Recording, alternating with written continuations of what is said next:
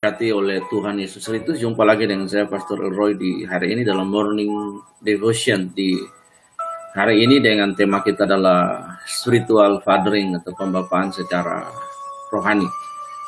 Saya mempercayai bahwa semua kita dalam keadaan yang baik supaya genaplah Mazmur 121 ayat 1 dan 2 yang berkata bahwa dari mana datangnya pertolongan kita? Bahwa pertolongan kita datang daripada Tuhan yang menjadikan langit dan bumi ini. Mari sahabat sebelum kita beraktivitas di hari ini, baik bekerja dari kantor ataupun work from home, kita dengarkan uh, morning devotion hari ini untuk menolong kita untuk menjalani hari ini.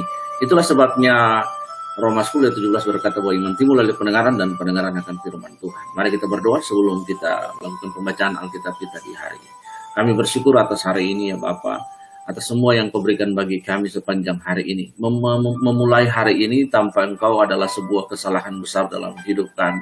Karena itu Tuhan kami mau memulai hari ini dengan engkau sebagai sumber hidup, sebagai pemberi hidup, sebagai pemilik dari kehidupan ini. Karena kami tahu Tuhan bahwa without you in our daily life we are nothing. Di dalam nama Tuhan Yesus. So in this morning God we invite the Holy Spirit mengundang Roh Kudus untuk datang Tuhan dalam hidup kami dan pembacaan firman Tuhan di hari ini memberikan iluminasi bagi kami, pencerahan dan pengertian berkat rohani bagi kami supaya apa yang kami lakukan sepanjang hari ini Tuhan dalam tuntunan dan kehendak Roh Kudus di dalam nama Yesus kami boleh berselaras dengan kemauan dan kehendak Bapa sepanjang hari ini. Tolong kami di dalam nama Tuhan dan berkati kami. Kami berdoa dan mengucap syukur. Terima kasih Tuhan. Amin. Nah sahabat yang diberkati oleh Tuhan Yesus Kristus di hari ini pembacaan kita hari ini terambil dari 2 Timotius pasal yang pertama ayat yang ketiga sampai yang keenam. Sekali lagi 2 Timotius pasal yang pertama pasal pertama ayat 3 sampai ayat yang keenam. Baik sahabat di rumah, mari kita melakukan pembacaan kita di hari ini. Aku mengucap syukur kepada Allah yang kulayani dengan hati nurani yang murni seperti yang dilakukan nenek moyangku dan selalu aku mengingat engkau dalam permohonanku baik siang maupun malam. Dan apabila aku terkenang akan air matamu yang kau curahkan, aku ingin melihat engkau kembali supaya penuhlah kesukaanku. Sebab aku teringat akan imanmu yang tulus ikhlas itu iman yang pertama-tama hidup dalam nenekmu Lois dan di dalam ibumu Eunike dan yang aku yakin hidup juga di dalam dirimu karena itulah ku peringatkan engkau untuk mengobarkan karunia Allah yang ada padamu oleh penumpangan tanganku atasmu. Sahabat yang diberkati oleh Tuhan Yesus di pagi hari ini, sekali lagi pembapaan secara rohani atau spiritual fathering. Nah, kalau kita membaca surat pastoral Rasul Paulus kepada Timotius, gembala muda, anak didiknya, anak rohaninya yang kira-kira berumur 16 tahun, menjadi seorang gembala muda di gereja di Efesus, sebuah gereja yang memang dirintis oleh Rasul Paulus yang ditanamkan oleh Rasul Paulus. Bapak Ibu Saudara yang dikasih oleh Kristus Yesus. Penting sekali di dalam hidup ini kita memiliki seorang Bapak rohani, kita memiliki uh, spiritual father, kemudian coach, trainer, uh, friend. Dalam surat 1 Timotius dan 2 Timotius kita dapat menemukan dalam pastoral letter secara personal pribadi antara Paulus dan Timotius ini kita dapat menemukan sebuah relasi antara bapak dan anak. Kita dapat yang relasi yang utama adalah relasi antara bapak rohani dan anak rohani. Kemudian relasi antara seorang mentor dengan seorang yang dimentori. Kemudian relasi antara seorang sahabat di itu. Jadi kita dapat menemukan relasi-relasi tersebut dalam pertama surat Timotius dan kemudian kedua surat Timotius ini. Kita melihat di situ sebuah relasi yang dalam sekali. Sebuah relasi yang menggambarkan uh, deeply relationship between Paul the apostle and his spiritual son Timothy. Kita menemukan di situ relasi ini dibangun dan didasari oleh sebuah ikatan kasih Kristus, kasih agape. Relasi Kristen antara yang bukan saudara daging, tetapi relasi yang dibangun oleh hubungan Kristus yang mengikat mereka berdua. Nah, Bapak Ibu ada empat poin penting di dalam kehidupan ini yang akan kita belajar empat relasi penting dari pembacaan kita dalam 2 Timotius pasal 1 ayat 3 dan ayat yang sampai ayat pasal ayat 3 sampai ayat yang ke-6. Mungkin di dalam relasi-relasi kita dengan kakak rohani, pembimbing rohani, apa pun istilahnya mentor, itu harus didasari oleh hal-hal yang paling mendasar dan yang menduduki prioritas pertama adalah kasih itu yang mengikat keduanya. Nah, mari kita lihat poin yang pertama. Bapak Ibu Saudara terambil dari dalam 2 Timotius pasal 1 ayat 3. Di situ dikatakan Paulus mengingat kehidupan keluarga, mengingat kehidupan keluarga dan panggilan Timotius untuk melayani Allah. Bapak Ibu Saudara yang dirahmati oleh kasih karunia, Paulus menggunakan sebuah kata dalam Yunani ini itu adalah mneia. Mneia ini adalah sebuah kata bagaimana untuk mengingat. Mengingat itu mengingat hubungan, mengingat relasi, persaudaraan di antara mereka, kerjasama di antara mereka, ikatan pelayanan di antara mereka. Bapak Ibu Saudara yang dikasih oleh Tuhan Yesus, ya ini menjelaskan empat hal. Yang pertama dalam 2 Timotius 1 ayat 3 yang sudah kita baca, mengingat. Paulus mengingat, mengingatkan Timotius berulang-ulang kali. Dan dalam pastoral letternya dia mengingat. Dalam kehidupan, kehidupan pembapaan rohani, seorang mentor, seorang coach, seorang trainer, seorang sahabat, kakak rohani atau bapak rohani atau ibu rohani. Perlu berulang kali untuk mengingatkan kita to remain us untuk mengingatkan kita akan posisi kita di dalam Kristus akan keberadaan kita dalam Kristus akan siapa kita sebelumnya. Mengingatkan kita akan bahaya di depan kita mengingatkan kita akan jalan-jalan yang kita lalui. Dalam poin pertama ini Paulus mengingat Timotius Nia ini yang pertama adalah di dalam kehidupan doanya. Dalam kehidupan doanya. Orang-orang yang ada dalam lingkaran keakrapan dengan saya sebagai Bapak Rohani, orang-orang yang ada dalam lingkaran keakrapan dengan saya, ketika mereka meminta saya menjadi mentor bagi mereka, menjadi kakak rohani, orang Ambon bilang menjadi bung rohani, kakak bung, dan menjadi sahabat, yang pertama yang saya lakukan adalah saya membawa mereka di dalam doa-doa saya. Saya lebih tepatnya menggunakan kata intercession atau syafaat. Saya tidak menggunakan kata pray, tapi saya menggunakan kata intercession yang lebih kena, yang lebih deeply, yang menggambarkan keseriusan saya. Lalu berdoa semua orang bisa berdoa, entah doa singkat, doa main-main, doa panjang dan lain. Tapi ketika kita yang mengambil when I take a time to intercession untuk berdoa bagi mereka maka saya memprioritaskan sebuah hubungan yang dalam dengan mereka. Hubungan yang dalam dalam pengertian bahwa saya serius dengan hubungan mereka dan saya serius untuk nanti akan memberikan masukan, memberikan nasihat kepada mereka, akan memberikan direction kepada arahan kepada mereka. Tentunya dalam perkara-perkara kehidupan, dalam perkara-perkara rohani, perkara-perkara rohani supaya mereka memiliki tertib hidup rohani dan mereka dapat mencapai tujuan hidup mereka di mana yang sudah Allah rencangkan bagi mereka. Di dalam hubungan ini, Paulus mengingatkan Timotius, Paulus mengingat Timotius di dalam doanya. Seorang bapak rohani akan selalu membawa anak-anak rohaninya, orang-orang yang berada dalam lingkap lingkaran leadership, lingkaran kepemimpinan, dan lingkaran keakraban itu dengan membawa orang-orang yang dia kasihi, orang-orang yang dia mentori di dalam doa. Ini adalah salah satu ciri Paulus. Paulus adalah seorang yang suka sekali berdoa, yang masuk dalam sebuah intercession.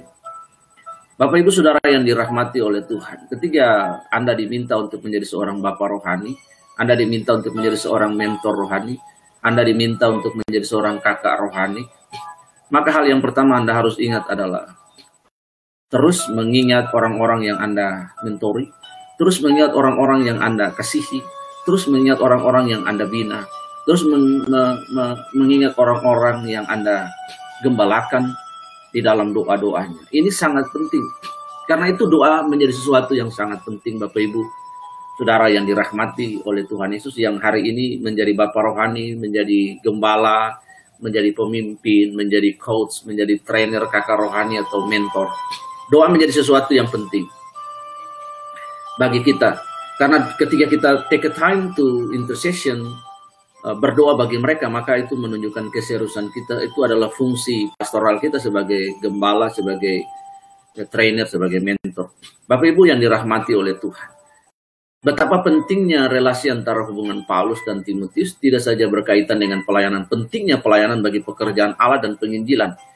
Paulus lebih dalam lagi menganggap Timotius sebagai seorang anak dan kemudian take a time, take a responsibility to pray for Timothy.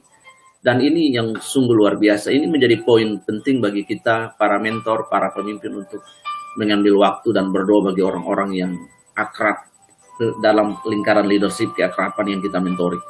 Bapak Ibu, mengapa Paulus berdoa? Karena doa memiliki landasan yang utama sekali. Doa memiliki sebuah kehidupan. Tanpa berdoa kita tidak mungkin berelasi dengan Allah. Orang Kristen membangun relasi dengan Allah itu melalui doa-doanya. Kehidupan pribadi, kehidupan syafaatnya kepada Allah. Mengapa kita berdoa? Ada beberapa pertanyaan. Why we pray to God? Mengapa kita berdoa kepada Allah? Karena kita tahu bahwa Allah menjawab doa-doa kita. Even answernya, answernya, jawabannya ada tiga, yaitu ya, tidak, ataupun nanti. Itu pun jawaban. Ya adalah jawaban dan semua orang senang dengan jawaban doa. Tidak itu pun adalah jawaban. Tidak semua orang Kristen senang dengan jawaban ini. Hanya orang-orang yang mature, yang dewasa dalam kehidupan dan deeply relationship with God yang dapat memahami ketiga alam menjawab tidak dalam hidupnya. Dan yang berikut adalah tunggu.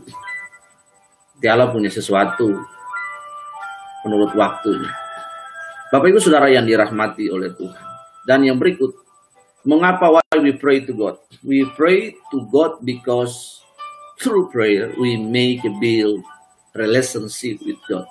Karena dengan doa kita berrelasi dengan Allah. Di dalam doa kita berdialog dengan Allah. Kita menyampaikan doa kita, kemudian kita tenang dan kita mengizinkan Allah berbicara bagi kita. Kadang-kadang kita masuk dalam doa, kita mengizinkan Allah berbicara tanpa kita menyela. Dan membiarkan Allah menyatakan maksud. Itu adalah relasi. Komunikasi yang baik adalah dialog dialog Bapak Ibu yang diberkati oleh Tuhan Yesus, bukan monolog. Karena itu ketika kita berdoa, kita tidak saja menyerocos menyampaikan maksud dan tujuan kita, tapi ketika kita menyampaikan apa yang maksud kita, kemudian kita mengambil waktu untuk sela, untuk berdiam sejenak dan membiarkan Allah menyampaikan maksudnya dalam devotion kita dengan dia. Bapak Ibu Saudara yang dirahmati oleh kasih karunia. Itulah sebabnya kita berdoa. Dan yang ketiga, ini adalah pengalaman pribadi. Pengalaman pribadi ini tidak harus menjadi doktrin. Semua orang punya pengalaman pribadi berdoa dengan Tuhan. Saya sangat menghindari sekali pengalaman-pengalaman pribadi itu dijadikan sebuah doktrin. Pengalaman pribadi pun harus melalui sebuah tools bibli, bibli, apa, biblika untuk uh, diuji berkali-kali dengan kebenaran supaya bisa dijadikan sebuah pengajaran karena pengalaman itu bisa saja subjektif. Tapi pengalaman pribadi saya adalah ketika saya mengambil waktu untuk berdoa, maka saya akan me, me, untuk memulai hari dan berdoa bagi orang-orang tersebut, dan saya menemukan damai sejahtera Allah dan saya merasa bahwa segala sesuatu hari itu akan menjadi jauh lebih efektif. Nah, itu ketika saya mengambil waktu untuk untuk untuk berdoa dan mendedikasikan hari dan hidup ini kepada Tuhan. Jadi poin yang pertama dari kata amneia yang digunakan Rasul Paulus dalam relasi hubungannya dengan Timotius dalam 2 Timotius pasal 1 ayat 3 sampai 6 ini yang pertama adalah Paulus mengingat Timotius di dalam doa terus menerus. Nah, terus menerus itu bukan hanya terus menerus itu artinya berkesinambungan, berkelanjutan, teratur jam-jam doanya, teratur tertib doanya, artinya selalu kontinu. selalu continue dalam doanya. Jadi tidak terputus. Artinya kita terus menerus untuk berdoa. Keep to pray, keep to pray. Terus untuk berdoa. Waktunya mungkin bisa diatur itu secara teknis. Tetapi terus menerus berdoa kepada orang-orang yang kita mentori. Terus berdoa kepada orang-orang yang kita bimbing, terus berdoa kepada orang-orang yang kita bina, membawa mereka sebagai persembahan di hadapan Allah, berdoa bagi mereka untuk hidup mereka, berdoa kepada area-area di mana mereka uh, gagal, berdoa kepada area-area di mana mereka terus berjuang dalam kehidupan mereka. Dan biasanya area-area yang mereka sering berjuang itu area-area seksualitas dan lain sebagainya. Nah ini perlu kita berdoa bagi orang-orang yang kita bina secara rohani, orang-orang yang kita mentori secara rohani. Dan kemudian berdoa untuk area-area di mana mereka bertumbuh. Berdoa supaya mereka memenuhi panggilan Allah dalam hidup mereka. Dan kemudian berdoa supaya mereka berjalan sesuai dengan rencana Allah dalam hidup mereka. Bapak Ibu Saudara yang dirahmati oleh Tuhan, itu adalah poin pertama dari kata neia yang digunakan uh, oleh Paul the apostle to pray for his spiritual son Timothy. Bapak Ibu Saudara yang diberkati oleh kasih karunia. Yang kedua, kita akan membaca dalam satu Timotius ayat yang keempat. Dan apabila dalam dua Timotius pasal 1 ayat yang keempat, Bapak Ibu Saudara yang dirahmati, maaf, dua Timotius pasal 1 ayat yang keempat. Dan apabila aku terkenang akan air matamu yang kau curahkan, aku ingin melihat engkau kembali supaya penuhlah kesukaan Bapak Ibu Saudara yang dirahmati oleh kasih karunia. Yang kedua adalah untuk mengingatkan Timotius tentang perpisahan mereka yang penuh dengan air mata. Jadi yang kedua, yang pertama tadi berdoa, terus menerus keep to pray for his spiritual son. Yang kedua adalah Rasul Paulus mengingatkan Timotius tentang perpisahan di antara mereka yang penuh air mata. Tentunya Bapak Ibu air mata setiap kali tir, setiap kali air mata itu tumpah. Ada dua hal. Setiap kali ada dua mat, air mata itu tumpah, ada dua hal yang penting di antara dua orang pribadi. Yang pertama, air mata itu tumpah karena ada dosa. Air mata itu tumpah karena ada hal-hal yang buruk. Air mata itu tumpah karena ada hal-hal yang merobek jiwa ini ada hal-hal keberatan-keberatan nurani dan hati nurani dalam jiwa ini. Yang kedua, air mata itu tumpah karena air mata bahagia. Nah, Paulus punya air mata itu tumpah. Paulus sangat menyayangi Timotius secara rohani. Tapi di satu sisi, Paulus juga penuh didikan yang tegas dan keras terhadap Timotius untuk mendidik dia. Semua ini karena Paulus ingin melihat anak rohaninya bertumbuh dalam kasih karunia Allah. Jadi perpisahan mereka itu Paulus menggambarkan dalam pastoral letternya bahwa perpisahan di antara mereka itu penuh dengan air mata. Iya. Per, perpisahan itu penuh dengan air mata. Perpisahan ini terjadi karena Paulus dalam perjalanan-perjalanan misinya membuka gereja dan menanam gereja dan menginjil orang-orang di Asia dan Paulus menetapkan Timotius menjadi seorang presbitor yang ada di kota Efesus. Sebuah perpisahan yang yang memang harus dilakukan untuk pekerjaan-pekerjaan Injil. Nah, kadangkala ada orang-orang yang dekat dengan kita, yang kita kasih, yang kita mentori. Tetapi ada saatnya kita merilis mereka di dalam pelayanan-pelayanan dan panggilan Allah dalam hidup mereka. Saya selalu menyiapkan hati saya, hati, jiwa, dan pikiran saya. Karena suatu saat saya akan merilis orang-orang yang saya kasihi, merilis orang-orang yang saya cintai ke dalam panggilan mereka. Mungkin kejadiannya akan sama seperti Paul, saya akan menangis ketika merilis mereka.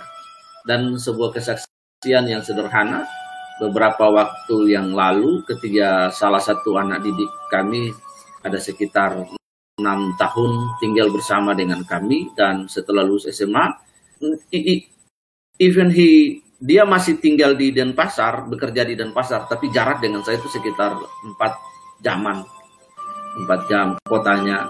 Dan dia bekerja di Denpasar tapi dia tidak tinggal lagi di asrama. Nah, itu membuat saya sebagai bapak rohani yang mendidik dia itu punya kerinduan yang dalam bertanya kabar dan lain sebagainya. Nah itu sebuah kesaksian yang sederhana tanpa melebih-lebihkan. Bapak Ibu Saudara yang dikasih oleh Tuhan. Timotius juga Rasul Paulus maksudnya mengingatkan Timotius tentang perpisahan di antara mereka yang penuh air mata. Artinya ada hubungan kasih di antara mereka, ada ada share life di antara mereka, membagi hidup di antara mereka, menasihati di antara mereka. Paulus merasa kehilangan seorang anak, tapi di salah satu sisi tanggung jawab dan pelayanan sebagai seorang rasul untuk spread the gospel, preach the gospel of Jesus Christ. Itu harus dilakukan dari kota ke kota di dalam provinsi Romawi di Asia kecil. Nah ini yang dilakukan. Karena itu Paulus selalu mengingat, mengingat bahwa ada nasihat di antara mereka, ada pengajaran di antara mereka, ada nasihat. Ingat itu dan perpisahan itu penuh dengan sebuah air mata. Karena itu ini penting sekali untuk mengingatkan Paulus supaya dia selalu mengingat hal itu dalam pelayanan-pelayanan penggembalaan bagi kerajaan Allah. Yang ketiga Bapak Ibu yang dikasihi oleh Tuhan Yesus, kata Neya ini juga dalam dua dalam satu dua Timotius pasal 1 ayat yang kelima di situ sebab aku teringat akan imanmu yang tulus ikhlas yaitu iman yang pertama-tama hidup dalam nenekmu Lois dan di dalam ibu Eunike dan yang aku yakin hidup juga di dalam kamu. Nah pada ayat yang kelima ini Paulus menggunakan kata hupo ditambah dengan kata neya, hukum neya untuk mengingatkan Timotius akan iman keluarga yang tulus. Karena itu pada poin yang pertama di sini Bapak Ibu Saudara yang dikasih oleh Tuhan, Paulus mengingat kehidupan keluarga panggilan Timotius untuk melayani Allah. Karena itu dia menggunakan kata nia. Pada poin yang ketiga dari 2 Timotius 1 ayat yang kelima, Paulus menggunakan kata hukum nia untuk mengingatkan to remain the young Timothy akan imannya. Iman keluarganya yang tulus. Jadi seolah-olah Paulus mau bilang, Paulus mau berkata, Timotius ingat, keluargamu adalah keluarga yang beriman. Saya menemukan dalam kehidupan nenekmu, dalam kehidupan ibumu, orang-orang yang berbakti kepada Allah, orang-orang yang punya integritas, orang-orang yang punya iman yang luar biasa.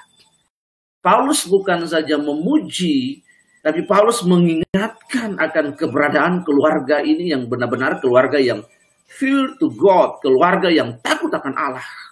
Harus mengingatkan jati diri Timotius ini. Sebagai mentor, sebagai gembala, sebagai bapak rohani, sebagai coach, sebagai trainer, kita perlu mengingatkan anak-anak rohani kita akan kehidupan mereka di dalam Kristus. Kalau kita menemukan keluarga mereka adalah keluarga yang taat, keluarga yang diberkati, ada hal-hal baik, selalu ada hal-hal baik yang bisa dijadikan contoh di dalam setiap keluarga. Tidak seluruh keluarga itu buruk. tidak tidak selalu bahwa satu keluarga itu buruk. Selalu ada hal-hal baik yang perlu kita ambil dan kita mengingatkan mereka. Bapak Ibu Saudara yang dirahmati oleh kasih karunia. Paulus mengingatkan Timothy akan keluarganya, akan iman yang dimiliki oleh keluarga, akan nilai-nilai, akan value di dalam keluarganya yang tulus. Dan Paulus menulis itu dalam catatannya menyebutkan nama nenek dan ibunya. Ini penting bagi kita, jadi pelajaran bagi kita. Saya sering kali bertanya kepada anak-anak rohani, anak-anak didik, bagaimana ke kehidupan orang tua rohanimu? Coba ceritakan, saya ingin mengetahui keluargamu. Ceritakan, dan kemudian mereka menceritakan di situ. Mereka menceritakan bagaimana kehidupan bapak, kehidupan ibunya. Dan sering kali dalam percakapan-percakapan saya bilang, wah orang tuamu luar biasa ya, ingat pesan bapamu, Ingat kehidupan bapamu yang suka berdoa, baca Alkitab dan lain sebagainya. Ini yang penting sekali. Paulus mengingatkan bahwa peran keluarga itu penting. Dan hari ini suami-suami, para gembala pemimpin, bahkan calon suami ingat bahwa kehidupan iman dalam keluarga itu sangat penting sekali. Dan suatu saat nilai-nilai yang kita wariskan, kita tanamkan dalam keluarga itu akan membawa dampak dan pengaruh dalam kehidupan putra putri dan anak kita. Kita tidak kita mungkin mewariskan harta, tapi harta yang terbesar sebagai orang tua yang dapat kita wariskan adalah iman kita, pendirian kita di hadapan Allah, nilai-nilai kita, konsep kita, keputusan-keputusan, cara berpikir kita, iman kita. itu yang kita wariskan kepada anak-anak kita. Oh, karena anak-anak itu akan melihat bagaimana orang tuanya bersikap pendirian orang tua, pernyataan imannya, dedikasi hidupnya kepada Allah itu begitu penting. Menyediakan segala sesuatu bagi anak-anak rumah, harta itu kewajiban sebagai orang tua dan tanggung jawab. Tetapi ada tanggung jawab yang lain yang lebih penting adalah mewariskan iman kepada Allah. Mewariskan iman, mereka akan melihat warisan iman, penderian orang tuanya di dalam Kristus yang sungguh-sungguh. Imannya kepada Allah, kepada Yesus Kristus, the living Son of God. Itu tidak berubah. Sebagai dasar dari hidup, dari segala sesuatu, kekayaan yang tidak ternilai dalam hidup ini. Dan Bapak Ibu Saudara yang dirahmati oleh kasih karunia, poin yang keempat dalam 2 Timotius pasal 1 ayat yang ke-6, di situ adalah Paulus menggunakan kembali lagi kata ana dan nea. Artinya untuk mengingatkan Timotius tentang panggilannya dan pembekalannya untuk pelayanan. Rasul Paulus mengingatkan Timotius dalam 2 Timotius pasal 1 ke ayat yang ke-6 dalam pastoral letter ini adalah untuk mengingatkan kembali bahwa Timotius dipanggil oleh Allah. Bahwa Timotius dipanggil oleh Allah untuk menjadi pelayan Injil, menjadi pelayan kebenaran, menjadi pelayan Tuhan Allah yang hebat, yang dahsyat, yang luar biasa. Panggilan itu adalah bukan sembarang panggilan, tapi panggilan yang paling luar biasa dari pencipta kepada ciptaannya. Karena itu saya selalu menaruh hormat dan respect kepada para pelayan ini yang ada di tempat-tempat terkecil desa yang tidak mundur dari pelayanan mereka. Kepada hamba-hamba Tuhan yang hidupnya sederhana, tapi mereka masih setia dengan panggilan mereka di tempat-tempat yang terpencil dan susah, bahkan dengan minimnya sumber daya. Tapi mereka masih setia kepada panggilan Allah dalam hidup mereka. Bagi orang-orang seperti inilah saya akan membawa mereka dalam intercession, dalam doa-doa syafaat. Lutut saya akan bertelut Lidah saya akan membawa mereka dalam doa-doa saya. Karena melihat mereka memenuhi panggilan mereka. Bagi Kristus apa pun yang terjadi. Saya mau ikut Yesus, saya mau ikut Yesus. Sampai selama-lamanya. Meskipun saya susah menderita dalam dunia. Saya mau iring Yesus sampai selama-lamanya. Kemarin ketika saya membaptis salah satu putra saya yang akan memasuki sekolah teologi, tidak ada lagu lain yang saya nyanyikan di pinggir pantai pada sore hari jam setengah enam ketiga matahari turun sekali di ufuk cahaya matahari mulai memudar dari situ kita menyanyikan sebuah lagu saya mau iring Yesus saya mau iring Yesus dan saya berkata mulai hari ini kamu iring Yesus apa pun yang terjadi susah senang jangan pernah tinggalkan Tuhan sebagai harta terbesar Engkau mungkin saja boleh melupakan orang tua atau dilupakan oleh orang tua, sanak saudara atau orang-orang yang kamu kasih. Saya bisa saja melupakan kamu. Kamu bisa saja melupakan saya. Tapi ingat Tuhan tidak pernah melupakan kamu. Dan kamu tidak boleh lupa sama Tuhan seumur hidup. Bapak ibu saudara yang dirahmati. Paulus menggunakan kata anamneia. Ana, kata anak anamneia. Anamneia ini untuk mengingatkan to remain the young Timothy about his calling tentang panggilannya dan pembekalannya untuk pelayanan-pelayanan pastoral dan pengembalaan. Karena itu secara teologis ini sangat membantu, mendorong kita untuk melihat kembali kehidupan kita. Melihat tangan Allah yang terlibat dalam semua tahapan hidup kita. Dalam iman, keluarga, iman pribadi, panggilan dan pembekalan untuk pelayanan dan orang-orang yang membimbing kita. Ini penting, empat poin ini penting bagi kita Bapak Ibu Saudara yang dirahmati sesuai dengan Topik kita di hari ini spiritual fathering atau pembacaan secara rohani. Bapak Ibu yang dirahmati oleh kasih karunia. Sebagai seorang mentor, sebagai seorang coach, kita perlu untuk mengingatkan mereka akan panggilan mereka. Terus untuk panggilan mereka. Setiap kita, saudara dan saya punya peluang untuk bisa berbuat dosa. Kita yang sudah lahir baru pun punya kapasitas, punya kesempatan, punya peluang. Tapi kita memilih untuk tidak berbuat dosa itu adalah sebuah kasih karunia. Kristus dalam hidup kita. Semua kita rentan dengan dosa. Karena kita hidup, sudah hidup dalam dunia yang jatuh. Semua manusia sudah berdosa dan kehilangan kasih karunia Allah. Bapak Ibu saudara yang dirahmati oleh kasih karunia. Jangan kita pernah bangga bahwa, oh saya sudah lahir baru, saya tidak mungkin jatuh dalam dosa. Berhati-hati. Semua kita punya peluang, kapasitas, dan kemampuan yang sama. Karena itu mari kita terus mengisi hidup kita dalam konteks kita sebagai seorang pastor, sebagai seorang gembala, seorang coach, seorang mentor, seorang bapak rohani, kakak rohani, kita terus mengingatkan orang-orang yang ada dalam lingkaran keakraban dengan kita, anak-anak binaan dan spiritual son and daughters ini, untuk terus mengingatkan mereka berulang-ulang untuk panggilan mereka ke hadapan Allah, untuk hidup mereka, untuk pelayanan yang sementara mereka berjalan. Bahkan kita harus menepuk pundak mereka dan berkata, My son, my daughter, keep moving, keep going, keep running, untuk terus di hadapan Allah. Supaya mereka terus berdiri di hadapan Allah dan ketika mereka mengakhiri pelayanan mereka, mereka tetap kokoh dalam iman dan pengharapan mereka ketika mereka mengakhiri hidup mereka. Sama seperti yang dikatakan di dalam Efesus pasal yang ke-6 ayat yang ke-10. Finally be strong in the Lord and his mighty power.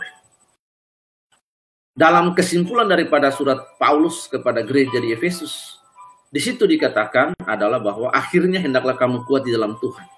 Akhir dari seluruh perjalanan hidup Kristen kita, kita tetap kuat dalam Tuhan dan dalam kekuatan kuasa. Di situ digunakan kata loipon endunamos. Akhirnya, finally, akhir dari seluruh perjalanan hidup kita adalah kita menjadi kuat dalam Tuhan, tetap berdiri, mempertahankan iman kita di hadapan Allah dan tidak berubah pengakuan kita bahwa Yesus Kristus anak Allah yang hidup yang menjadi juru selamat kita.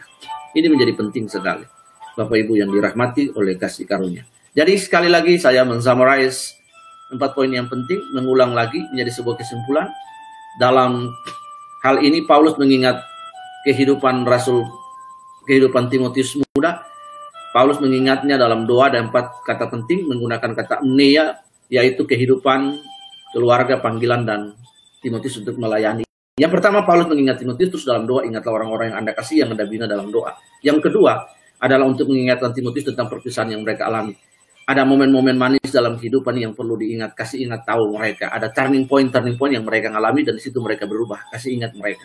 Yang ketiga adalah menggunakan kata hukum nia, artinya untuk mengingat Timotius akan iman keluarga yang tulus. Ada nilai-nilai positif dari keluarga-keluarga mereka, ayah, ibu, dan lain mengingatkan mereka akan value, akan nilai.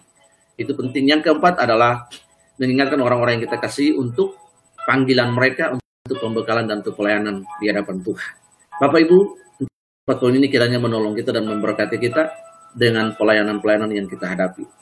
Dan hari ini pelayanan berubah dari pelayanan yang konvensional menjadi sebuah pelayanan yang digital.